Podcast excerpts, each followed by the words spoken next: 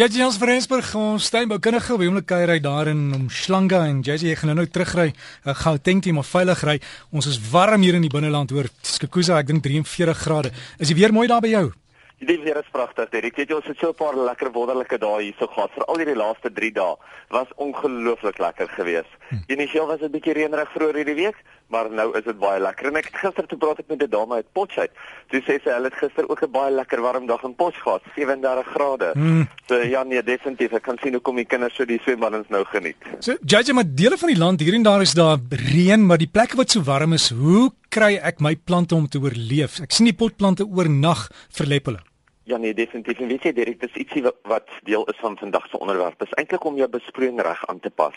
Onthou, 'n mens moet seker maak dat jou plante altyd genoeg water het, maar jy moet hulle nie verdrink nie. Party ouens dink 'n mens moet jou tuin elke liewe dag vir 20 minute of 'n halfuur lank nat maak in sekere plekke en dit is hopeloos te veel water.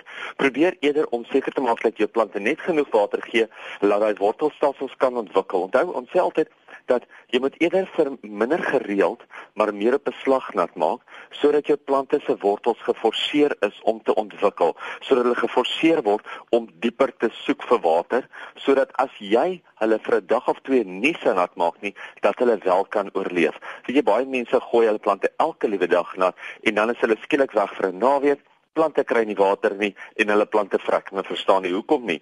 Jy het nooit jou plante geleer om eintlik dieper wortels uit te stoot nie. Dekla is net so belangrik. Kyk uit vir dekla. Onthou, dat dekla is 'n kombersie wat 'n mens oor jou plante gooi.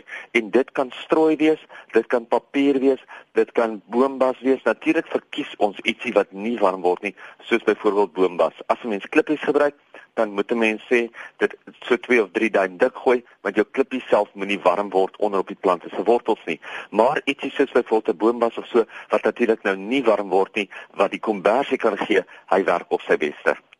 JJ ek het ook gesien in van die kwekerye ons het hierdie jaar weer impatience beskikbaar. Uh, daar was mos 'n siekte gewees wat in die lug was wat die goed doodgemaak het. Kan ons dit weer plant? Ons kan dit weer plant, maar ek seker of van daai sektor gaan weer terugkom. Um baie mense sê hulle impatience het laas jaar baie mooi oorleef vir al die ouens op die plattelande waar hulle ver weg is van die groter stede of 'n bietjie afgesonder is van die groter stede se siektes. En ja, mens ons kan hulle weer plant. Ons hoop maar dat ons hierdie jaar nie daai probleem gaan hê nie, maar gewoonlik so in November, Desember se kant as dit lekker warm begin word of nou eers begin warm word, ek kan nie sê lekker warm maar dit is al klaar warm. Um as dit nou eers warm begin word, dan gaan jy weer sien dan kan daai siekte weer uit sy kop uitsteek.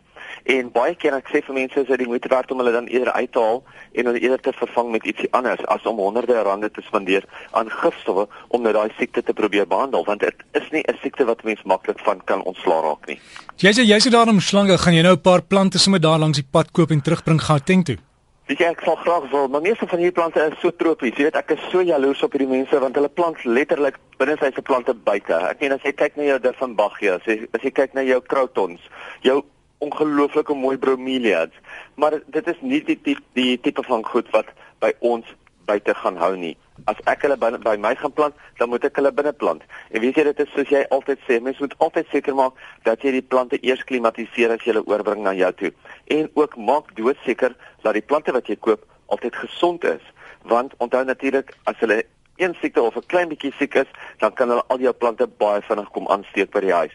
So maak doodseker dat die plante wat jy koop, as jy plante ver weg van die huis af koop, laat jy hulle eers kan klimatiseer en ook dat hulle gesond is voordat jy net oopvat in jou of oorvat in jou gesonde tuin in. En jy sê sekere variëteite groei ook beter by die kus en hulle hulle blom byvoorbeeld nie in die binneland nie. Ja nee, definitief hulle groei en floreer hier so by die kus en hulle groei net nie so maklik of so mooi in die binneland nie. Maak nie saak waar jy is nie.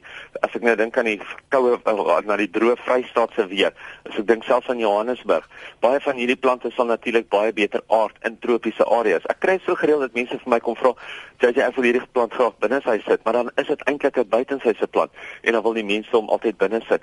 En dan verstaan hulle nie dat die plant nie binne mooi gaan doen nie of dat hy nie heeltemal so mooi gaan floreer en aard binne soos wat hy eintlik buite aard nie. So maak seker dat die plante wat mense oor wat jy oorvat of wat jy op 'n plek wil sit, dat dit wel die regte plant is. Gebruik eerder jou tuinboukundige of jou tuinkenner se kennis by die kwekery en gaan gesels met hom. Praat met hom en vra vir hom, is is dit die tipe plant wat ek binne kan sit of is dit nie? Jy weet, as mense 'n plant sou oorkoop, vat 'n blaartjie in en gaan vra vir die kwekery daar naby aan jou, watter soort plant is dit hierdie en watter soort kondisies het hy nodig? Jy weet, waar wil hy staan? Wil hy in die koue staan, wil hy in die hitte staan? Soek hy son, soek hy nie? Plante wat byvoorbeeld hier onder baie son kan hanteer, wil by ons weer in die skare weer staan. Dit so mens moet maar net die regte plek op kies vir daai plant. Wat jy sê dan dis ook tyd as jy nie al bietjie laat om saadjies in te sit nie, sê net maar jy wil die Afrikaner saadjies insit, kan jy nog? Ja, nee, definitief. Jy kan dit nog doen en dit is nog nie te laat daarvoor nie. Onthou dit enige of meeste van jou saailinge vat omtrent so 3 maande voordat hulle uh, gaan blom of gaan vrugte dra.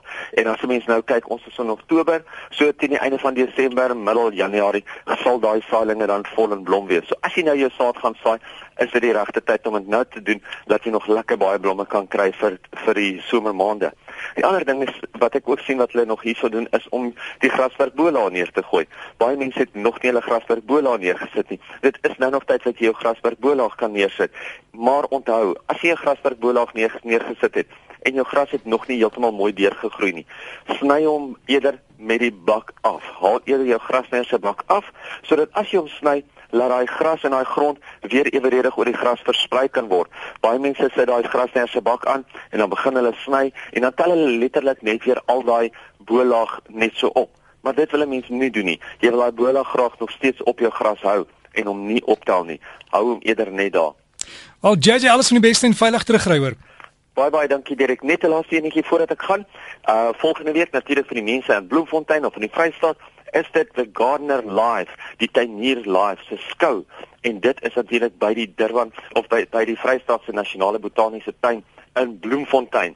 En dit word natuurlik aangebied deur die tydskrif uh, die Tuinier en ouens soos Gerald Schofield, Anna Silje en natuurlik Tanya Visser gaan by die skou wees. Dit is nie hierdie naweek wat nou kom nie, dis die naweek daarna. Dis die 18de tot die 20ste Oktober.